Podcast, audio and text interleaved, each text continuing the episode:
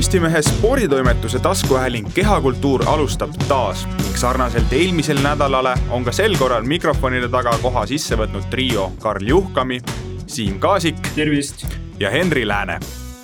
tervist! kui kuulajaid huvitab, miks see viimane tere oli natukene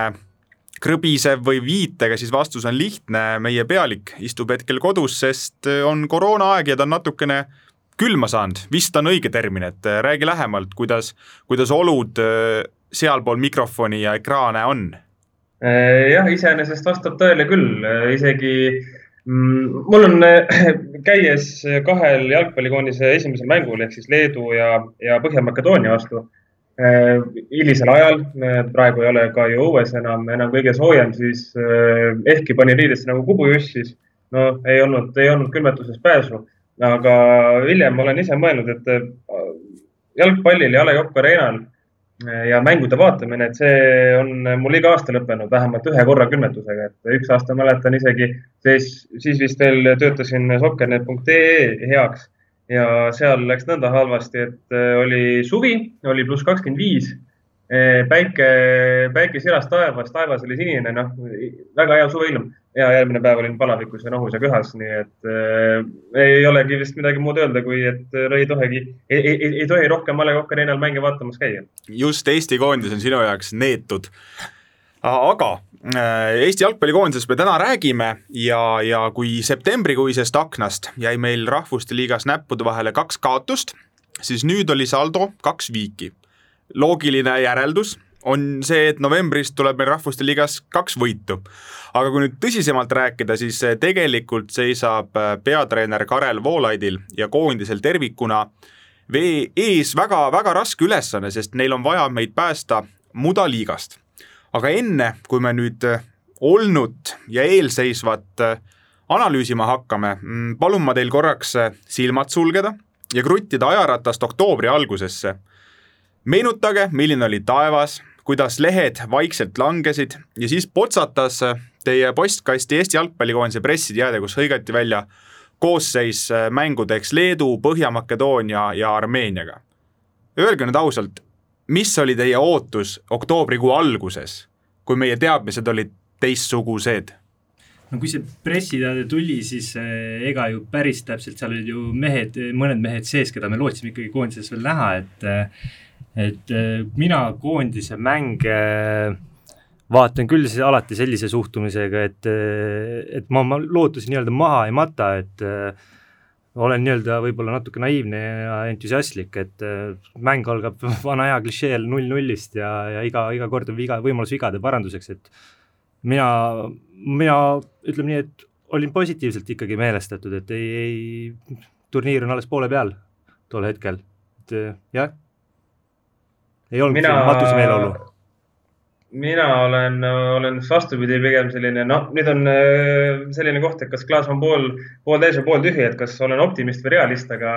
aga, aga pigem olid mõtted jälle selles suunas, et siit tuleb üsna, üsna muserdav aken. Ja, aga asi ei olnudki nii väga koosseisus või noh, üldsegi mitte selles, kuivõrd ikkagist eelmistes mängudes. Ja näiteks septembrikuine aken oli ju noh, oleme ausad, see, mis platsil toimus, oli, oli paras katastroof ja, ja, ja ikka väga-väga-väga nukker et eh, kui koosseisu peale mõeldes, siis ega noh, laias laastus muidu ei ole ju midagi väga hullu, et, et ütleme, Joonas Tamme ja Karol Metsa eemalejäämised olid, kindlasti valmistasid, eh, valmistasid tuska. metsa puhul ma ütleks, et pigem on, on nagu arusaadav otsus, ei, taha kindlasti risti lüüa meest ja Tamm vist oli lihtsalt oli kirjas, et isiklikud põhjused, eks ju, et noh, isiklikud põhjused on alati sellised, mis, mille juures ei saa minu arvates üldse üldse kuidagi kedagi kritiseerida ja, ja noh, kui näiteks Tamme metsa peale mõelda, noh siis tegemist ei ole, ma ei tea, mingisugune Virgil van Dijk'i ja Mattis, Mattis, Mattis Delikti suguse duoga, et meil jäid nüüd mingisugused Liverpooli ja Juventuse mehed eemale. jah, jäid eemale või noh, jäi eemale siis ilmselt esimene nii-öelda keskkaitsepaar. aga samas Märten Kuusk on ju ikkagi siin koduse premium-liiga üks silmapaistvamaid mehi tundub temagi puhul, et välismaale minek on vaid aja küsimus ja Nikita Baranov äh, ka noh, ütleme Eesti jalgpalli mõistes mängib ju täiesti korralikus liigas Küprosel ja, ja, ja ei ole nagu selles midagi nii hullu, et, et see ei tekitanud mingit jah, mingit või noh, nii-öelda see koosseisu nägemine ei tekitanud sellist matuse meeleolu, aga, aga matuse meeleolu, matuse meeleolu pigem tekitas ikkagi need eelnevad mängud jah, ma siinkohal pean, Henri, sinuga nõustuma, et tõesti see eelnev taustsüsteem nende septembrikuiste mängudega oli see, mis seda, neid toone natukene mustemaks oli, oli võõbanud, aga suures plaanis puudujatest selles aknas ei saanud üle ega ümber. Ja praegu võib vist tagantjärele ainult äh, heameelselt nentida, et Karel Voolaib äh, juba septembris ütles, et tal on koondise eel, eelnimekiri, kuhu kuulub nelikümmend neli mängijat, et kui praegu lugeda neid, kes eemale jäid, Klaavan, Tamm, Mets, Ken Kallaste, Ilja Antonov, Sergei Zenjov, Erik Sorga, Henri Anier, Hendrik Ojamaa noh, võid Marko Meeritsa sinna ka patta ja nagu, nagu Jalka peatoimetaja Raul Ojasaargi Twitteris ju selle nii-öelda huvitava hääletuse tegi, et kumb võidaks, kas praeguste koondislaste alg üksteist või puudujate üksteist, siis enam, enamik jalkasõpru ütles, et see puudujate oma. Et ja kui ma nüüd selle teadmise võtan ja panen konteksti nendesse tulemustesse, mis me saavutasime, milleni me ka kohe jõuame, siis nende viikide väärtus minu silmis suurenes äh, ikkagi tohutult ja tohutult veelgi, mis muidugi ei tähenda, et ma hakkaksin äh, pea ees äh, nüüd igasugustesse võidubasseinidesse hüppama ja trummeldama, et Eesti jalgpall on tagasi. No jalkas on stabiilne koosseis, selles mõttes ülioluline, ma ei räägi isegi praegu tipptasemest, räägin oma kolmanda liiga kogemusest, et kui sul ikka üle nädalavahetuse on erinev sats, siis on raske-raske nagu mingisugust noh, stabiilset keskkonda siis luua, et ja kui sa räägid, et viigi väärtus puudujate mõttes võib-olla suurenes, siis tegelikult kui me mõtleme mängu kontekstile, siis ega see, mõlemad mängud olid ju tegelikult kolme punkti mängud et, et kui nii tagasi mõelda, siis see, see viigipunkt, mis me, noh, kaks viigipunkti, mis me saime, et siis ega, ega ta ei ole nüüd väga väärtuslik, et pigem, pigem nagu jäi tunne ju mõlema mängu lõpuvilja järel, et me kaotasime kaks punkti. vähemalt minule. noh, üks asi tegelikult koosseisu puhul, mis, mille peale ma ise mõtlesin, et, et huvitav, miks seda nime ei olnud, vähemalt ei, mälu järgi ütleks, et ei olnud isegi seal kuskil nii-öelda arutluse all aga Artjom Dmitrijev, et äh, mees ju pallib Kasahstanis, on sel hooajal äh, löönud ka rohkem kui ühe värava. Nii et ütleme poolkaitses, kus tegelikult noh, ütleme mitte, et Eestil just nagu vähe jõudu oleks, aga, aga, aga kus ole, kus on alati ju hea, et kui on erinevaid tüüpi mängijaid, siis selline Dmitrijevi sugune suur võimas tank oleks, oleks ju hea hea olnud küll, eriti kui ta saab veel väljamaal mängida ja, ja, ja on noh, vähemalt individuaalselt ka võrdlemisi edukas. No samas ma arvan, et sa osutasid minu silmis vähemalt äh, nii-öelda Eesti koondise kõige tugevamale positsioonile või, või, või, või kohale väljakul, et keskväli, mis meil siis äh, mõlemas viimases valikmängus oli Konstantin Vassiljev natukene eespool ja Mattias Käit, Vladislav Kreida tagapool, oli äh, kindlasti kõige, kõige tugevam, kõige kindlam ja, ja kõige, kõige vähem vigu teinud osakond nagu nendes mängudes, et, et, et praegu nüüd öelda, et et Dmitrist võitsime puudust tunda, jah, lisakäik oleks see kindlasti olnud, aga see polnud nüüd küll see positsioon, kust oleks hullult põlenud või, või, või kärisenud. põles ikkagi kaitses. seda kindlasti mitte et noh, ütleme tagantjärele targana on ju hea vaadata, et siis peamine poolkaitse duo ehk eh, Vladislav Greida ja Mattias Keit said ju väga kenasti hakkama, olenemata sellest, et eh, Keit ju koduklubis liiga palju eh, peale ei saa. noh, Greida Floras on, on, on ilmselge põhimees ja, ja, ja koondises samamoodi. aga noh, lihtsalt ütleme, Keit ju lõpuks, kui ma ei eksi, siis ta tegi ju kõik kolm mängu tegi kaasa, eks ju. ja, ja, ja siin kas vist Armeenia vastu seal kuskil lõpus vahetati alles välja, et, et noh oleks tore olnud näha selles mõttes näiteks kasvõi Leedugi vastu maavõistlusmängus, et see on ju küll see koht, kus, kus minna eksperimenteerima, kus nägime ka Mark-Andres Lepikut äh, ründajana ja niimoodi, et seal Dmitrijevit nii-öelda ka koondise seltskonnas uuesti näha, et kui siin kiiresti vaatan, siis viimane kord, kui ta meil figureeris kuskil koondise eest üldse oli eelmise aasta september alles, nii et äh, noh, ma ütlen, et kui mees on sellises täitsa korralikus vormis ka, et siis võiks ju mütata küll, miks ka mitte. Mihkel Ainsalu näiteks ju, ju oli, oli koondises, et ma arvan, et Dmitrijev või noh, ma olen kindel, et Dmitrijev on, on paremas hoos ja noh, oleks ikkagi väärinud seda kutset. aga võib-olla kutsuti ka, aga lihtsalt öelda, et ei soovi, ega ei tea äh, aga igatahes üks koht, kus meil on, on nendes mängudes nüüd äh, probleeme olnud, on kaitse ja, ja noh, Jalka Foorumites on hea lihtne lugeda, et äh, oleks meil nüüd ikkagi noh, ühest küljest met-, mets ja tamm on nagu omaette omaette puudujad, milleni me ka jõuame, aga oleks meil ikkagi Klaavan, siis oleks nagu asjad tagalas korras, noh, esiteks mina tahaksin selle peale kohe nagu vastu öelda, et Raku on suhteliselt selgesõnaliselt ikkagi välja öelnud, et noh, tema nii-öelda arvestamine koondise komplekteerimisel pehmelt öeldes unustage ära, et ütles selle välja juba eelmise aasta lõpus, et, et pigem eh, ei tasu teda enam näha sinises särgis ja, ja nüüd Voolaid siin ka koondise akna eel ütles samamoodi välja, et Raku on öelnud, et eh, noh, see peab olema väga ekstreemne olukord, kui ta saab appi tulla, sest keha lihtsalt ei pea vastu. aga, aga olgem nüüd ausad, meil ei kärise ju selles mõttes eh, üksikute kohtade pealt või, või, või individuaalsete vigade pealt, et puhtalt see, kui nüüd Klaavan oleks seal taga, kes jah, ilmselt nagu Märten Kuuseliku fopaat sealt ei sünniks, aga, aga väravaid lüüaksegi meile ikkagi ju sellise meeskondliku kaitse pealt, kus äh, toimuvad ebakõlad mängijate üleandmises, äh, positsiooni jagamistes, vot selliste asjade pealt, mitte individuaalsete apsude pealt vaatasin need väravad enne, enne saadet kõik üle ja Armeenia, Armeenia värav siis sündis kontrast ja, ja see sündis Sinjavski pealt, et kes kaitses, jooksis küll väga entusiastlikult tagasi, aga aga unustas, ei vaadanud kordagi oma selja taha, eks ju, ja sealt, sealt see mees värava lõi. Makedoonia esimest väravat mäletame kõik, on ju, sellest ei ole eraldi võib-olla rääkida, äh, teise värava puhul äh, oli siis täpselt seesama asi, mida sa mainisid, et äh, mehed jäid jagamata, et pigem jäi see Maarini peale siis ja kolmas värav oli siis niimoodi, et Lepik jättis nurgalöögis palli klaarimata, klaaris oksakohaga ja, ja osalt on ka süü Maarinil, kes siis eh, hakkas juba selle löögiliigutuse peale ründesse jooksma ja, ja jättis oma mehe katmata, et mingis mõttes ikkagi ma ütleksin, need on individuaalsed eksimused ka siin, et pooleks täitsa. aga jaa, Klaavan üksi, üksi muidugi neid eh, vigu ära ei, ei, ei parandaks, see on selge. ma, ma arvan ka, et äh, siin äh, noh, Virgil van Dijk'i meeldib inimestel ikka tuua näite nagu maailma parimast keskkaitsest ja kui tema ju Liverpooliga lõpuks liitus, siis tunduski, et see oli see viimane pusletükk, mis, mis järsku Liverpooli varem kehvana, nõrgana näinud kaitse lukku lükkas. noh, kindlasti suur osa mängib, mängib sellest ühe mehe individuaalse nii-öelda pagasi osas, mängib, mängib selles rolli. aga ütleme, noh, Klaavan on küll seeria A tasemel keskkaitsja aga ta ei ole seal ju noh, põhimees, ta ei ole seal mingisugune imemees, et äh, nüüd äh, ma arvan ka, et arvata, et, et oleks äh,, oleks tema koonduses, oleks tema koondises olnud ja oleks need kuidagi vead või, või, või kaitse parem olnud, no liiga väga ei usu, et äh, minu arust siin septembris äh,, ma ei mäletagi täpselt, mis mäng see oli.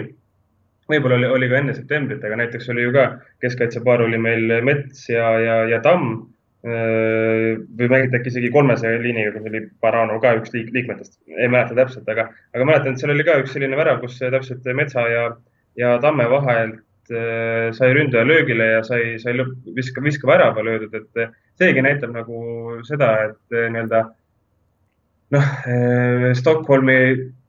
vähemalt toona Stockholmi AEK ja, ja, ja, ja, ja Ukraina korraliku satsi Desna tasemel mehed ei ole nüüd ka ju nii kehvad, et seal peaks kuidagi siis individuaalselt nagu mingeid jamasid toimuma, et, et pigem see, et nagu ka nüüd oktoobris nägime, et vähemalt kolm väravat olid sellised, kus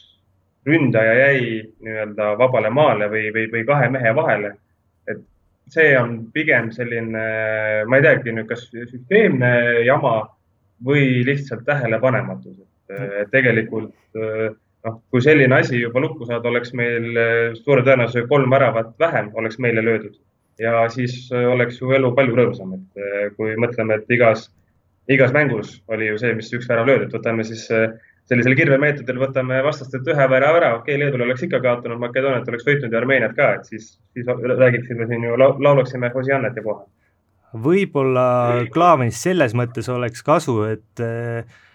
just nendes olukordades, kus mehed meil jagamata jäävad, et on räägitud, et koondises võib-olla mehed ei räägi nii palju ja, ja need kaitses mehes, meeste jagamise kohad ongi täpselt sellised kohad, kus üks mees peaks natuke võib-olla kõvemat häält tegema, kui ta näeb, et et eh, sõber ei võta vastast peale, et siis ütleme talle seda, et sellest enne mängu tegelikult räägiti eksperdid meil endised jalkakoondislased, et, et rääkimist on vähe ja võib-olla Klaavan seda rääkimist tooks juurde. No samas. no võib-olla, ütleme, ma ise arvan, et Klaavan pigem tooks nagu sellist kogemust, et ta ilmselt oskaks paremini hinnata selliseid olukordi, võib-olla neid ette näha ja niimoodi. aga samas, kui rääkida kommunikatsioonist, siis no Märten Kuusk, nagu ma ka ühes Postimehe kirjatükis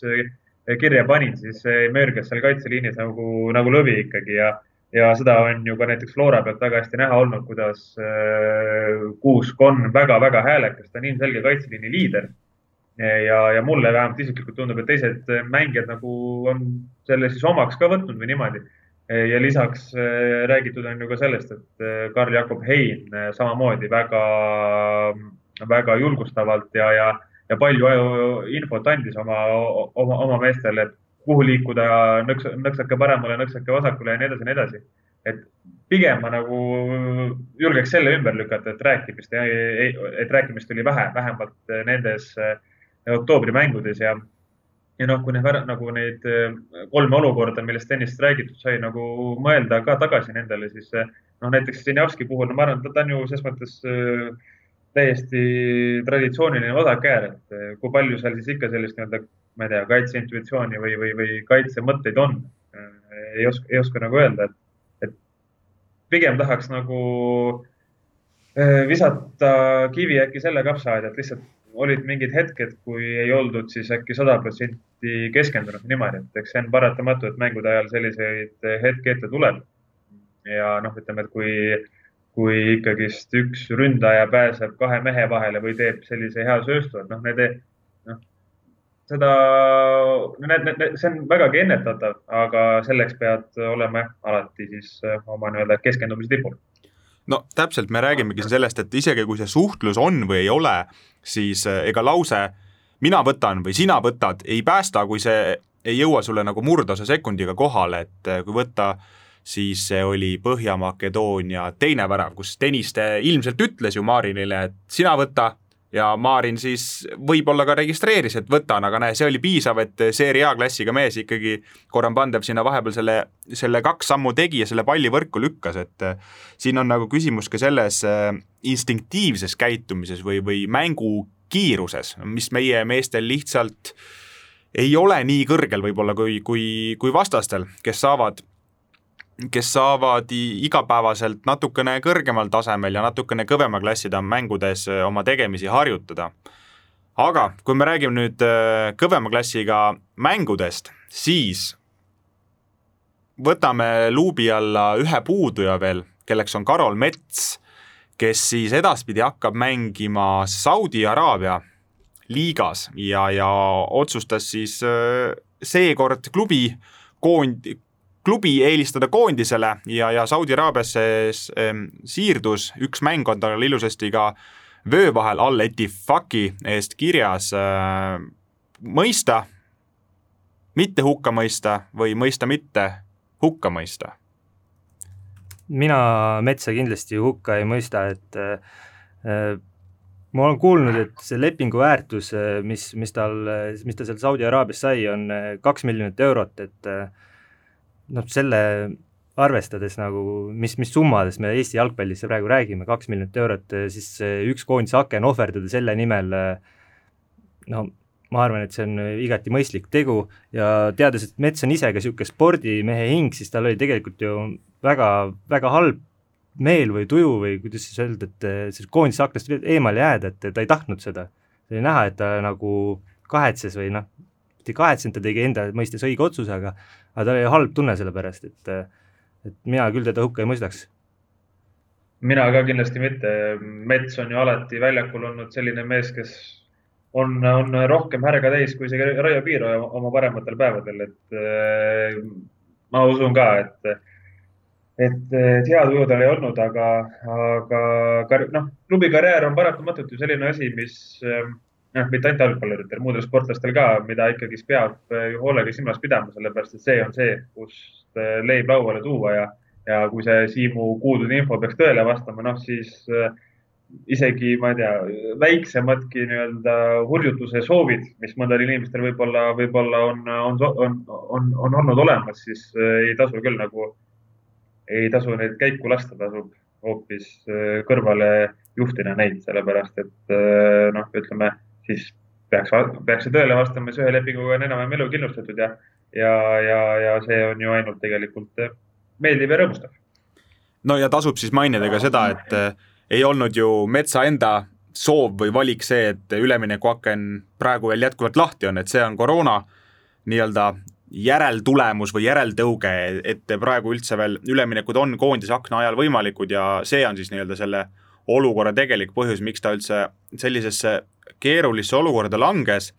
aga me oleme siin rääkinud puudujatest, me oleme siin rääkinud justkui kõikidest mängudest, aga me pole peaaegu kordagi puudutanud või ainult näpuotsaga üks-kolm kaotust Leedule, mis samamoodi selles aknas oli. kas see nüüd on mäng, mis meil tasubki lihtsalt ära unustada, sest et järgmised kaks olid nii head ja murekohti enam ei ole? No ära vast ei tasu unustada, selles mõttes, et selle koondise akna esimese, noh, esimene mäng, eks ju ikka ütleme, ootused olid, olid vähe kõrgemal, ega Leedu ei tulnud ka siia ju oma mingisuguse esimese või noh, kõige esimese ešeloniga, neilgi oli puudujaid. aga see, kuidas Eesti noh, laias laastus veidi utreerituna öelduna endale ehitas, oli ikkagi päris jube ja, ja tegelikult nendeks rahvuste liiga mängudeks andis päris kehva fooni, sellepärast et noh, pealtnäha tundus, et võrreldes septembriga ei ole mitte essugi muutunud. Et läänerindel on kõik muutusteta ja lähme sinna Põhja-Makedoonia, Armeenia vastu väga tore kodus, aga jumal eest, midagi head sealt ei tule. aga no ma ütlen, minu jaoks kõige märkimisväärsem, mis seda Leedu mängu puudutab, oligi see, et kuidas äh, siis Põhja-Makedoonia Armeenia vastu suudeti oma vaimset seisu nii hästi parandada, et, et mingisugusest allaandmisest pärast kaotusseisu jäämist ei olnud haisugi ja, ja mängupilt oli täitsa ju jalgpalli moodi. Endale ka ei ehitatud, äh, suudeti rünnakul mängida küll. nii et äh, noh, ütleme ütleme, kui kolmest mängust kaks on, on täitsa okeid, üks on pigem kohutav, siis ikkagi seda kohutavat ei saa ju kuidagi ära unustada, et eh, pigem nüüd on väga huvitav vaadata, mis novembris hakkama saab, et, eh, et kui peaks ka mingeid selliseid, eh, ütleme, Leedu mängu vaibe jälle nägema, noh, siis, siis ei, ei, ei tahaks kohe voolaiu pead, eks ju, kuskile lauale panna ja, ja uut peatreenerit otsima hakata, aga, aga lihtsalt on vaja sellist stabiilsust näidata ja näidata sellist stabiilsust, mida, mida nägime siis Põhja-Makedoonia ja Armeenia vastu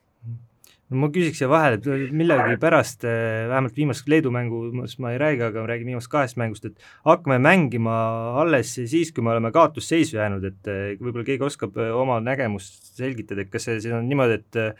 et mingisugust, mingis mõttes pingelangus toimub mängijatel, et ja siis noh, kaotusseisu jäädes, et noh, halvemaks enam ei lähe, et et saame kuidagi nagu siis mingisuguse uue hingamise või, või miks, miks me hakkame liigutama siis alles, kui me oleme kaotusseisu jäänud?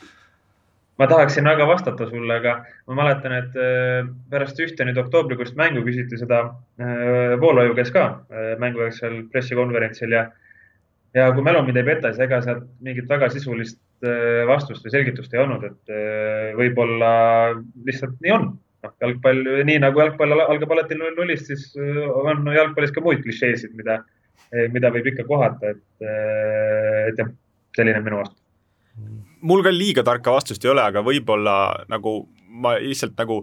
kiidaks üldse seda olukorda, et sa saad sellist äh, küsimust küsida, sest noh, jällegi meenutada, mis, mis siin septembrikuus toimus, siis noh, siis jäime ka kaotusseisu, aga see küll kuidagi võitlusvaimu ei sütitanud, et äh, et äh, kui siin äh, Kuusk selle oma värava lõi, siis oli ka selline tunne, et äh, noh, nüüd siis hakkame niimoodi seda auku kaevama, aga sealt tuldi välja ja, ja tegelikult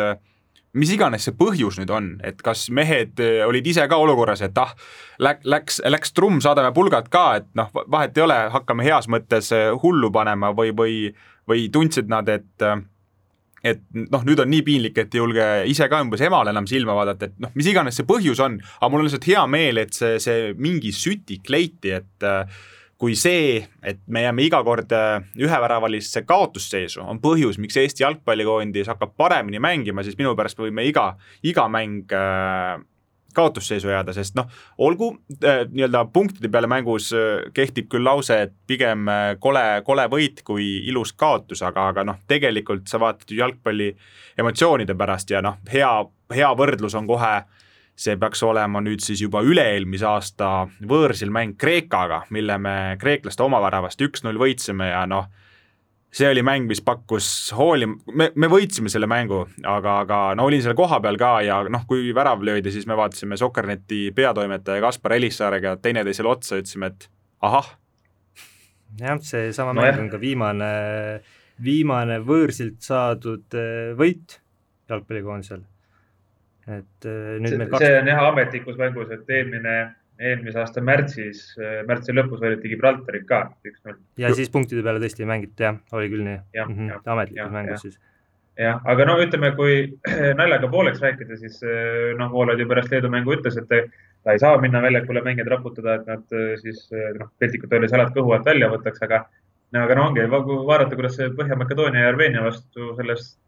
kuidas reageeriti sellele kaotusseisu jäämisele, siis äh, tundus, et äh, Voolaid ja treenerid olid seal mängijaid raputanud küll ja ikkagi noh, väga kumas nagu mängijates ka seda läbi, et äh, kõik väga-väga-väga palju tahavad ja, ja selles mõttes on nagu suurepärane, et punktidele mängus seda ka väga ilmekalt tõestati ja näidati, aga noh, väga lihtne on ju ka näiteks nende kahe mängu peal siis öelda, et ma ei tea, mitte, et kõik on hästi, aga, aga et olukord ma ei tea, ma, ma, ma ei oskagi nagu seda konkreetset sõna öelda, aga öelda või välja tuua, aga, aga tegelikult on ju ütleme, Voolaiu ametiaja saldo on ilmselt päris kehv ikkagi ja, ja et sellest august välja ronida peab, peab tekitama väga-väga häid tulemusi, et eh, nii-öelda eh, õiges suunas on, on samme astutud, aga, aga see, et lõpuks ka pärale jõuda, vot see, see tee on, on, on väga-väga pikk no kui sa seda saldot mainisid, siis äh, null võitu, kolm viiki, kaheksa kaotust on see, see teadmine, millega Karel Voolaid igapäevaselt äh, peab elama ja, ja noh, ta ütles ka, siin oli Armeenia mängu eel, et, et see surve käibki temaga kogu aeg kaasas, see on ameti üks osa. aga mida arvata endise koondislase Gert Kamsi ühest äh, mõttekäigust, mille ta telestuudios äh, vaatajatele esitas. see kulges umbes nõnda, et eh, tegelikult polegi Voolaidil olnud aega meeskonda enda soovide järgi ehitada, sest mullu sügisel oli eh, kohe vaja teha tulevust valikmängudes eh, ja peale selle oli osa nendest EM-valikmängudest ju väga kõvade vastaste vastu, et seal oli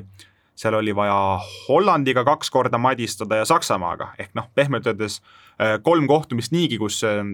suure hooga meie suunas kihutavat trammi oli oodata. ja, ja tänavu kevadele, mm, äh, kus siis oleks pidanud koondis uuesti kokku saama ja Voolaid nii-öelda oma plaane ellu viima, noh, need aknad jäid ära. Ja nüüd esimest korda pärast eelmist aastat saadi kokkugi nüüd septembris, kus need mannetud mängud võõrsil tulid, et nüüd see oktoobrikuine aken oligi esimene, esimene, reaalselt esimene koht, mis, kuna see aken oli veidikene pikem tänu Leedu mängule ka, et kus Voolaid sai oma lähenemist äh,, süsteemi mängijatele tutvustada ja, ja mängijatel oli aega ka seda omaks võtta, sest noh, nagu me siin kõik elus teame, et see, kui sulle esimene kord öeldakse, et ära mine punase tule küll ei tee, siis see ei tähenda, et sa seda kohe nüüd teisel korral kuulad. no mingis mõttes tulemused kinnitavad seda juttu aga ma arvan, et lõpliku kinnituse peaks siis andma äkki järgmine koondise aken, et, et kas, kas see on nii või ei, et selles mõttes, et koondise peatreeneri töö, me teame, on ju kogu aeg selline keeruline, et sa, ega sa ei saagi väga aega, et oma nägemusi ellu viia, et ei ole lihtsalt võimalik, sest koondise aknad on koondise aknad ja need on noh, paika pandud, sa ei, sa ei saa lihtsalt treenida mehi niimoodi, et et jah, ma arvan, et novembri aken nüüd näitab, kas, kas see jutt vastab tõele või ei, et iseenesest loogika on siin olemas. loogika on olemas ja, ja nagu sa, Siim, ka ütlesid, siis ajast jääb rahvuskoondise treeneril alati puudu. noh, ütleme jah, tõesti loogika, loogika on olemas, sellele on nagu sellest vaatevinklist raske vastu vaielda, samas koondise treeneri töö on ju tegelikult nii või naa alati selline, kus on tulemusi vaja, et et äh, meiegi siin ju üritame kõigest äh, väest äh, lahti saada sellest, et ei peaks mängima neid üleminekumänge D-divisjoni kukkumise eest ja niimoodi. et kui ongi rahvust, kui on nii-öelda rohkemate sõpruskohtumiste asemel on rahvuste liiga, ega siis paratamatult on ka see tulemussurve suurem, et ma arvan, et kui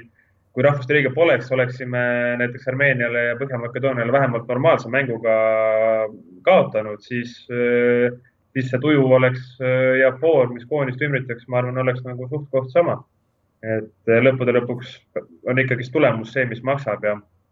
ja seda ei ole ju poolajal suurt ette näidata ei A-koondisega ega ka U kakskümmend üks koondisega, mille peatreener ta pikalt oli, nii et äh, noh, aga see ei tähenda, et ta ei võiks olla hea treener, et ta ei võiks tegelikult äh, tuua väga häid tulemusi. et ma pigem olen ka nagu selles paaris, et, et anname aega ja isegi see D-divisjoni kukkumine ei oleks ju tegelikult mingisugune katastroof. no kui Gerd Kamsi sai siin parafraseeritud, siis äh teine inimene, keda tasub parafraseerida, on, on Eesti Jalgpalliliidu president Aivar Pohlak, kes siis tunnistas sellesama koondise akna järel, et äh, kui Leedu mäng käis, siis tema jälgis seda kohtumist äh, pliiats näpus, paber ees ja sinna siis sai kirjutatud märkmeid ja, ja tehti ringi ümber puudustele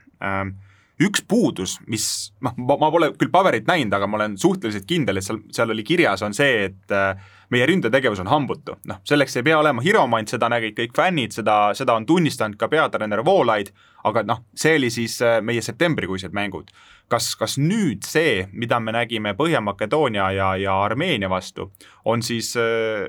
noh, ütleme, kas meil kasvasid siis suhu nüüd piimahambad ja siis järgmine küsimus on see, et kas, kui need piimahambad nagu ära lähevad, kas siis nagu jäävhambad tulevad ka asemele, et, et see ründetegevus justkui muutus loogilisemalt, me leidsime, leidsime neid käike ettepoole, mis ei olnud seotud ainult pika palli ettepeksmisega. Ja, ja, ja kas see võiks olla midagi, mida, mida novembrikuisetes mängudes noh, ründetegevus siis võiks olla nüüd korras? no eks tahaks ikka, aga seegi kindlasti käib ju selle stabiilsuse alla, millest, millest Voolaid rääkis ja ja seetõttu ma arvan, siin mingisuguseid ennustusi on, on üsna mõttetu teha, aga, aga ründefaasi mõistes olid tõesti need oktoobrikuised äh, matšid olid, olid selgelt äh, rõõmsamad kui, kui näiteks siin septembris või siis ka tegelikult noh, enne septembrit äh, mängud olid, et et võimalusi loodi. viimane kord, kui Eesti lõi kellelegi kolm väravat ametlikus mängus, oligi äkki vast see Gibraltari alistamine, kui Tamm lõi kübartriki või oli see sõprusmäng Ungariga tegime ka kolm-kolm viigi kaks ah, aastat tagasi jah. rahvuste liigas pra. praegu sähvatab. sellist asja ei näe, ei näe Eesti koondise esituses iga päev ja, ja noh, inimesed, kelle klaas on pooltühi, võivad alati öelda, et noh, et seal oli ikkagist parajalt joppamist ka, et eh, Makedoonia vastu Rauno, Rauno Sappineni näiteks teinegi värav oli ju noh, lihtsalt hästi läks, et pall ette kukkus ja, ja niimoodi, aga ja hästi oli, et penaltit läks lööma Frank Liivak, kes sai sellest serbo-horvaadi, ma ei tea, mis keelest eh, aru, eks ju, ja, ja,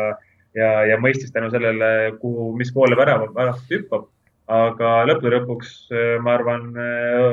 loeme ikkagist ründefaasi või mõistes need mängud õnnestunuks jah, et ei olnud ainult asi ainult selles, et väravaid sai löödud, et tegelikult võimalusi oli ka rohkem ja, ja noh, eks nüüd tuleb siis seda nii-öelda teemantit lihvida, et, et need võimalused löödaks veelgi suurema protsendiga ära.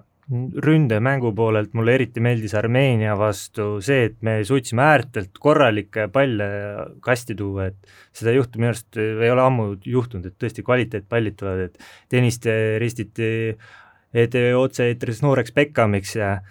Sapin on küll selle see oli, see oli päris rets henderdus ka muidugi. see, see, see jäi eredalt meelde, kahju, et vot sealt oleks tulnud äh, kindlasti see hõbepall ka Sapinile, aga aga ei olnud lihtne otseselt lüüa seda, aga ega noh, nii, nii raske ka võib-olla ei olnud, aga pall iseenesest oli tõesti hea ja, ja tegelikult Liivak tegi seal äärel teravust, võttis kiirusega ette, et äh, ja õnnestunult nagu, mida ka võib-olla väga tihti me ei ole viimasel ajal näinud, et ta tõesti maastest mööda läheb ja ja no eks see ongi see, et õnnestumine soosib õnnestumist ja ebaõnnestumine soosib ebaõnnestumist, et äh, meestel tuli esimene kord välja, tuli ka teine kord välja ja noh, praegu tõesti Armeenia vastu mul äh, need ääre, ääre, äärelt tulnud rünnakud meeldisid. Ja kui see, kui sellest korraks tennist, et senderdusest rääkida, siis tõesti filigraanne ja kõik jutud, aga, aga mõnes mõttes võtab ta natukene Eesti sellise jalgpalli ka päris hästi kokku, et selline äh, magus hapu värk, et et magus sellepärast, et senderdus oli väga hea, hapu sellepärast, et ta sai vigastada jah, ma mõtlesin, et siit tuleb juba see võrdlus, et magus sellepärast, et senderdus oli hea, hapu sellepärast, et ründed, head olukorrad tulevadki standardolukordadest ja senderdustest. mille peale mul tekkis kohe küsimus, Eesti koondise standardolukord, noh, aastaid on räägitud, see on meie relv, on meie relv, on meie relv, noh, minu jaoks on see juba niisugune väga, väga kulutatud plaat, et meil standard, standardolukorrad pole minu mälus väga kaua ohtlikud olnud, aga see aken oli olukord nagu natukene teistsugune, et ikkagi oli elevus sees, kui kui, kui neid äh, välja mängiti, muidugi ma pean kohe ääremärkusega ära öelma, ütlema, et äh, mina lähen siiamaani närvi, mul tõusevad seljal karvad turri, kui ma näen, kui Eesti koondis mängib standardolukorra lahti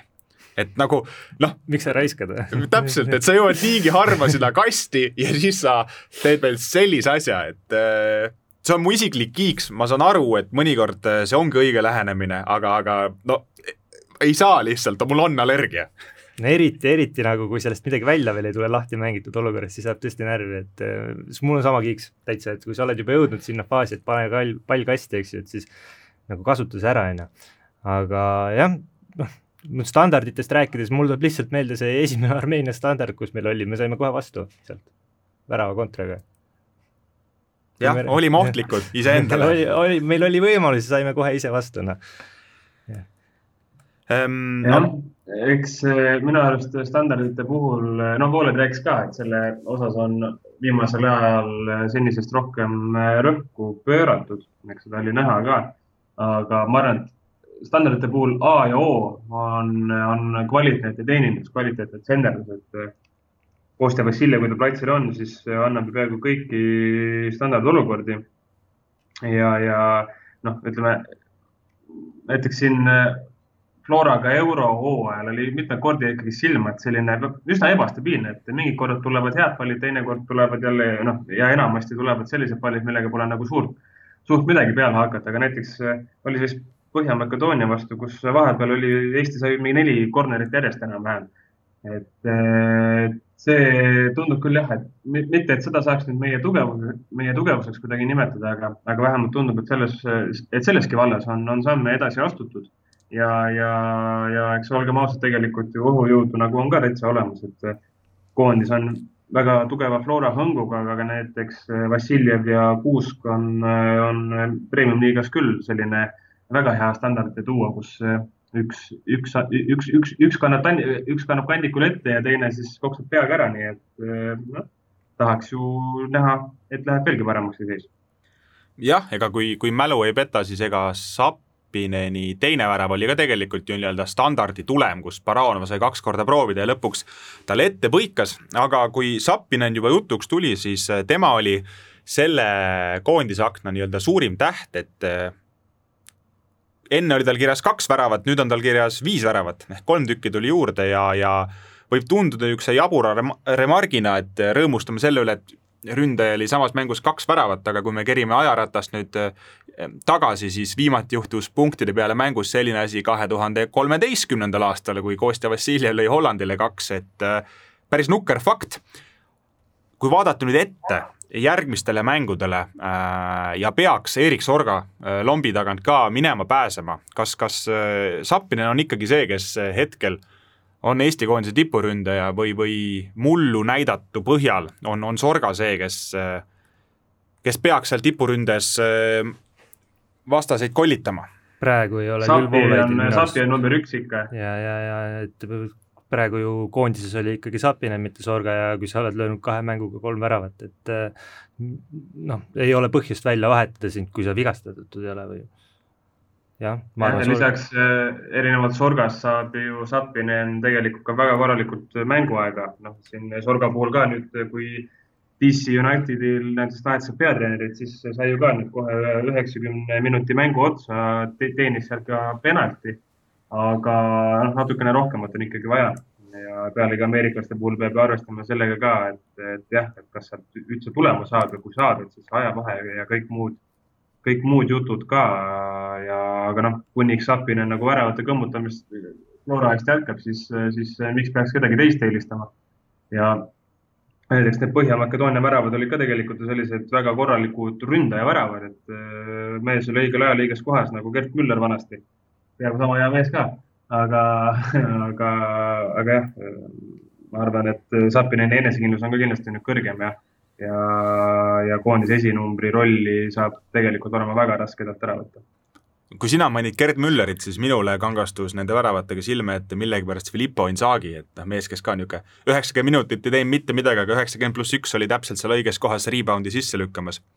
Kolm mängu on Eesti jalgpallikoondisel veel tänavu ees. Uh,, esmalt mängime sõprusmängu Firenzes Itaaliaga ja siis seejärel need kaks rahvuste liiga kohtumist, aga kui ma seda Itaalia mängu mainin, siis uh, küsimus on lihtne. Kas see mäng on Eesti koondisele kasulik, kui me nüüd läheme sinna Firenzesse ja me istume üheksakümmend minutit kaitses ja siis loodame, et äh, äkki läheb hästi? Kuidas see aitab meil valmistuda Rahvuste Liiga mänguks, sest et need mängud äh, võrreldes järgmistega, mis ees ootavad, Põhja-Makedoonia ja Gruusiaga, on lihtsalt äh, ülesehituselt nii veel palju erinevad, noh, et kontrast on sama nagu Flora läheks, sõidaks Kuressaarde, taoks, taoks seal puuri täis selleks, et minna järgmine mäng Dinamo Zagreb vastu, kus tuleb kaitses istuda no kui sa nii sõnastad, siis jah, et hoopis teise iseloomu mäng, aga, aga ma kardan, et kui Eesti, Eesti jalgpallikoondisel võimalus äh, mängida Itaaliaga ja pakutakse sellist varianti, et siis noh, oleks nõme loobuda ju, või ei, sa ei tahaks koondist jalg, Eesti koondist näha Itaalia vastu mängimas, suuri staare no oleks nõme loobuda no, minu arvates ta. tahaks küll, aga siis ma jällegi hakkan võrdlema nagu, et kui viimati mängisime Hollandiga, oli null viis, enne seda Saksamaaga null kolm, enne seda Hollandiga null neli, enne seda Saksamaaga null kaheksa, et äh, no mis mõttes ära no, võrdle? ma arvan tegelikult, et see Itaalia mäng on ka selline päris hea koht, kus tegelikult enesekindlus, kas, kas siis sellisel heal tasemel, nagu ta praegu on, hoida või hoopis, hoopis tõsta, et äh, lõpptulemus ei olegi seal ju niivõrd oluline, aga aga kui näiteks eh, kaitses kenasti olles, ma ei tea, saame null kaks või midagi sellist, no siis on juba täitsa okei okay,, et äh, edasiminek võrreldes äh, natuke enam kui aastaga, kui Saksamaa kloppis meid nii nagu, nii, nii nagu ise tahtis, on olnud ikkagist märkimisväärne. Ja, ja okei okay,, kuigi Itaalia on siin ju selline suur, suur koondis, siis viimasel ajal, no kui ma ei eksi, kui mälu mind ei peta, siis ega nende tulemused ei ole ka nagu midagi liiga fantastilist olnud, et, et ma arvan, ütleme siin Põhja-Makedoonia ja Gruusia vastu minnes nüüd võõrsil novembris, ega on nagu, ei tasu arvata, et seal me lähme nüüd ka, ma ei tea, lähme pea ees rünnakule, et tegelikult oleks võinud Itaalia asemel mängida mingisuguse Vatikaniga ja siis oleks, oleks paavstile löönud üksteist väravat ja oleks, oleks elu lill, rünnakul kõik jookseb, et päris nii need asjad ka ei käi, et need võõrsil mängu, mis tulevad, kindlasti seal ka saab, äh, ma arvan, rohkem, rohkem tegevus äh, olla kaitsest lähtuv ja tänu sellele siis see Itaalia mäng tegelikult äh, pigem, ma arvan, on isegi täitsa okei okay, ettevalmistusena. kui nendes kahes järgmises mängus on meie mäng kaitsest lähtuv, see tähendab, et vastased on favoriidid. sellest juhtuvalt Eest-, hetkel on Eesti C-divisjoni teises alagrupis, suurepärane sõnakooslus, viimasel kohal kahe punktiga ja kui need kaks mängu nüüd tulevad, kas meil on võimalik sellest viimasest kohast teie silmelegi, teie silmelegi tõusta, Siim, sina olid optimist? ja ma vaatan, võõrsil mängud on mõlemad ju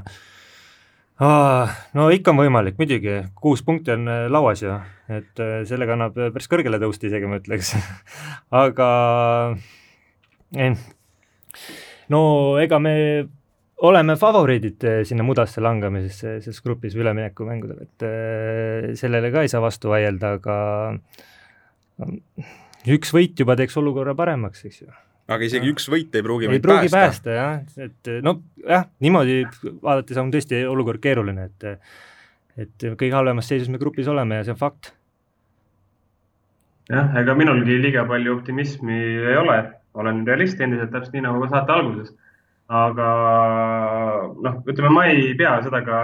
mingisuguseks suureks ebaõnneks või, või, või, või ebaõnnestumiseks, kui, kui seda viimast kohta ei õnnestu vältida, sellepärast et ega alagrupi teada saades oli juba ju selge, et Eesti on ikkagi seal outsider ja ja, ja viimaseks jäämine ei ole ju ka kindel kabelimatt selles mõttes, et me sinna D-divisjoni kukume, et selleks on vaja need üle, üleminekumängud ka mängida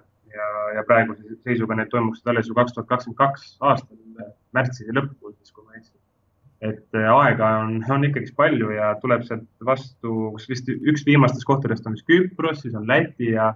ja siis on noh, Moldova äkki või midagi sellist. et, et sealt tuleb igal juhul vastu selline võistkond, kelle, kelle vastu mängides meil on võimalus noh, olemas korralik fifty-fifty äkki minimaalselt isegi, et ja kui siis õnnestub seal C-grupis või C-divisjonis ennast hoida, siis on ju tegelikult lõppude lõpuks kõik täitsa okei okay.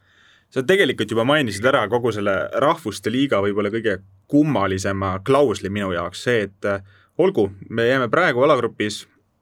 viimaseks, mis hetkel näib kõige tõenäolisem. Äh, ja siis nii-öelda need play-out'id või need üleminekumängud, need toimuvad pooleteise aasta pärast selleks hetkeks on äh, kõik koondised, ma julgen väita, väga erineva käekirjaga, väga erinevate mängijatega. Äh, mõnel koondisel võib olla juba kolmas peatreener selleks ajaks, et äh, öelda siis, et see justkui nagu üks valiktsükkel,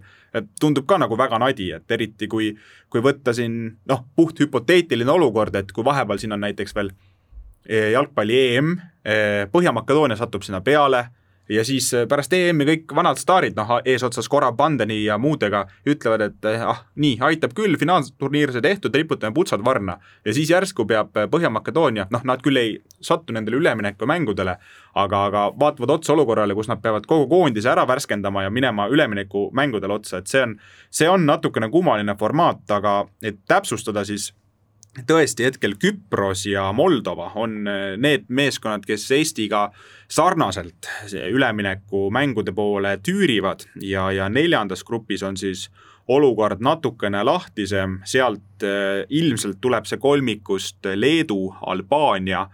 Kasahstan. Ja kui ma nüüd need viis nime olen ette lugenud teile, siis äh, Moldova on küll ainukene meeskond, kelle vastu mina julgeksin võitu öelda, et Küpros, Leedu, Albaania, Kasahstan ei usu, et me tahaksime, et me oleksime favoriidid nende vastu. aga kelle vastu Eesti jalgpallikoondis üldse praegu favoriit on, on, ma arvan, hea küsimus. Vatikan ilmselt ongi, kui nad peaksid jalgpalli mängima. aga noh, sellest jällegi seegi on nagu selline fakt või asi, millest ei tasu nagu heidutada lasta. Leedud, Albaaniad, Kasahstanid äh, ja, ja, ja Küprosed ei ole ju ka nüüd noh, mingisugused nii, nii kõvad satsid, et kui me näiteks Küprost vaatame, siis äh, ühes grupis äh, Luksemburgi, Montenegro, Aserbaidžaaniga väravate, väravate vahe miinus viis ja ainult üks viik on kätte saadud. nii et noh, mitte, et Luksemburg, Montenegro Aserbaidžaan oleks nüüd mingisugused ülihalvad satsid, aga midagi vägevat ju ka ei ole, et selles mõttes ma arvan, see omavaheline või omasuguste vaheline pusimine on, on endiselt selles mõttes äh, suuresti kinni pisiasjades ja, ja selles, et kellel on, äh, on antud päeval, ma ei tea, parem päev või niimoodi, et jälle üks klišee, aga, aga nõnda on. kui vaatame veel otsa tulevikule, siis äh, Karel Voolaidi leping Eesti jalgpallikoondisega lõpeb selle aasta ka Äh, üks on kindel, äh, oktoobrikuiste mängudega võitis ta endale aega juurde ja, ja noh, ilmselt see, kas see leping pikendatakse või mitte, äh, sõltub suuresti, mis novembris juhtub, aga, aga fakt on ju ka see, et kui nüüd ta välja vahetada, noh, lihtne on öelda, et asendame, aga siis tekib kohe küsimus, kellega. Eestist meil ei ole mina julgen öelda, mitte kedagi asemele võtta, juhul kui Tarmo Rüütli ei taha, ma ei tea, neljandat tiiru Eesti jalgpallikoondise eesotsas teha. ehk siis see peab tulema välismaalt ja, ja noh, nagu need välistreenerite eksperimendid on läinud nii ja naapidi, et see ei ole alati nii lihtne, et vahetame, vahetame, vahetame, aga noh, see jätkuküsimus, kellega on ikkagi see kõige tähtsam. välistreener vajab ju veel rohkem aega, et siia süsteemi sisse tulla ja et mängijad temaga tuttavaks saada ja õpiks, õpiks tema mängujoonest, et see treeneri vahetamise värk, ma ei tea, praegu, praegu ma küll selles suunas ei vaataks, et äh, ma ikkagi olen, annaks Voolaidile veel jah, võimaluse, et äh, ei ole siin ei ole siin hullu veel midagi, et äh, väli, välja, aga treener iseenesest tuleks võtta ilmselt välismaalt siis jah, kui sa tahaksid vahetada Voolaidi nüüd välja, et et ei ole siit Eestist praegu kedagi võtta. ma arvan, et äh, novembrikuised mängud on, on selles vallas äh, vast otsustavad. Mm, aga kui välistreeneri peale mõelda, siis noh, korvpallikoondise puhul oli ju pikka, sama asi pikka aega õhus, et kas võtame kellegi Eestist või välismaalt osad ütlevad, et Eestist ei ole kedagi võtta, noh, okei okay,, lõpuks ei võetudki, võeti, võeti üks soomlane, kes on tegelikult äh, koondisega väga ilusti hakkama saanud, et äh, ma arvan, välistreeneri puhul on ka lihtsalt väga oluline on, on saada siis, kuidas ma ütlen, see nii-öelda õige inimene, et, et klubi jalgpall ja, ja koondiste jalgpall on ju, on ju kaks väga erinevat asja. Ja ja ütleme, selline treener, kes, kes kas on, ma ei tea, just spetsialiseerunud koondiste peale või niimoodi, oleks ikkagist vägagi magus tükk ja, ja meil ei ole ju vaja mingisugust imetegijat, vaid eh, lihtsalt me näeme, mis, mis juhtub, kui mehed endasse usuvad ja, ja kui neil silmad tahtmises põlevad, siis ka mäng on täitsa, on, on täitsa okei okay,, et ei ole vaja mingisuguseid, ma ei tea,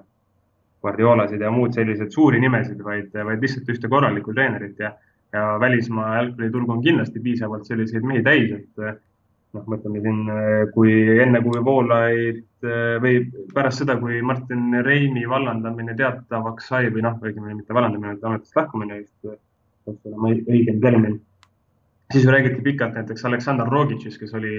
oli Levadias serblane ka väga selline analüütiline ja, ja, ja, ja, ja metoodiline mees, aga kõik tema suhtumine näiteks ja, ja, ja, ja ell-, noh, ütleme selline iseloom tundub just selline olevat, mis võiks nagu koondises küll väga kasuks tulla, et väga oma mängijatesse uskub ja,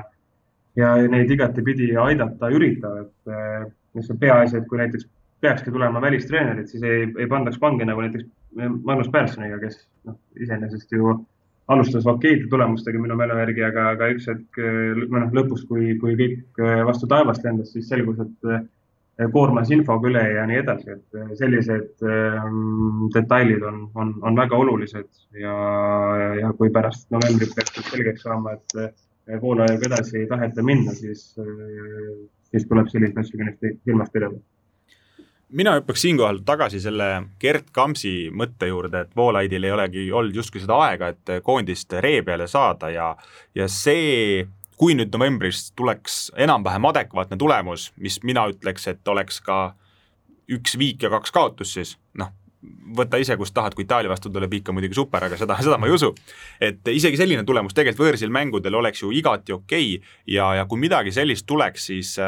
siis fakt, et järgmise aasta jalgpallikalender on no, on tühi, noh, sest meil on EM-finaalturniir e tulemas, valikmänge kohe peale pole tulemas ja, ja see rahvuste liiga nii-öelda otsustavad mängud sellisel juhul oleks ka alles pooleteise aasta pärast, et siis tal justkui oleks see, see aeg ja periood, et meeskond üles ehitada, muidugi äh, see võib rääkida ka, ka uue peatreeneri kasuks, kes saaks samamoodi yeah. rahulikult juurutada oma filosoofiat, nii et elame-näeme, aga, aga lõpetuseks ma viskaks teile hoopis äh, sellise hüpoteetilise mõttemängu, et äh, kas sinna D-divisjoni kukkumine, mida me hellitavalt ikkagi hüüame mudaliigaks Eesti jalgpallisõprade seas. kas see võiks mingit moodi Eesti jalgpallile kasuks tulla või on see igal juhul tragöödia? kindlasti ei ole ta igal juhul tragöödia. pigem, no ma ütlen, minu jaoks ei ole nagu suurt vahet, kas, kas see C või D-divisjon, D-divisjon isiklikult tunduks, et võiks olla selles mõttes justkui parem, et see on hea koht, kus enesekindlust koguda ja, ja, ja võite koguda ja väravaid lüüa, kust on ja noh, ütleme rahvuskoondise puhul, et kuna ta üsnagi harva koguneb, siis äh, kõik sellised elemendid on ju, on ju väga-väga olulised. ja noh, seda ohtu ma arvan ka ei ole, et, et sinna D-divisjoni kukkudes oleks Eesti samamoodi väga kehv või et oleks väga keeruline mängida, et kui siin neid võistkondi vaadata, siis Gibraltarid, no mis siin on, seitse võistkonda on, eks ju, ju D-liigas, et Fääri saared, Malta, Läti, Andorra, Gibraltar, Liechtenstein ja San Marino siin. Fääri saared ja Malta on pigem sellised täitsa korralikud satsid, ma olen enam-vähem Eesti masti, aga ülejäänutega no isegi äkki julgeks öelda küll, et oleksime favoriidid, noh, Lätiga võib-olla on, on seis selline viiskümmend, viiskümmend. ja jah, pigem ma ei tea, kui, kui võite tahaks, siis läheme D-divisjoni, aga kui tahaks näha nagu kõrgetasemelisemat äh, mängu ja vastuseid, siis võiksin nad seesse jääda. no ma ütleks ka, et see katastroof otseselt ei ole, aga no meie helesinine unistus ja, ja suurem eesmärk on ju ikkagi kunagi mängida EM-finaalturniiril, eks ju, ja, ja sellele annaks nagu parema tõuke see, kui me saaksime tugevamaid mänge natukene, et pigem, pigem nagu eelistaks ikkagi jääda kõrgemale püsima, et või siis läbi D-divisjoni play-off'i tõusta EM-ile, mis on see nii head me vist ka ei ole. hädavarese EM-pilet ja sellest on äh, seda, minu arust seda enam ei ole selle rahvuste liiga puhul, et sellisel esimese rahvuste liiga puhul, sellepärast et äh, siis ei olnud ju kindlaid või oli nii palju korraldajaid, et ei olnud niimoodi, et iga korraldaja sai äh, eraldi pileti. no kui, kui su informatsioon vastab tõele, siis mina ütlen jumal tänatud. Äh, ilmselt saame, saame me erinevaid jutte puhuda jalgpallist ka novembrikuistes aknas, millest kõneleme järgmises Kehakultuuri saates uuel nädalal? Seda me hetkel teile öelda ei oska, küll me teame seda, et kehakultuur eetrisse tuleb. nii et püsige lainel ja ilusat spordinädalat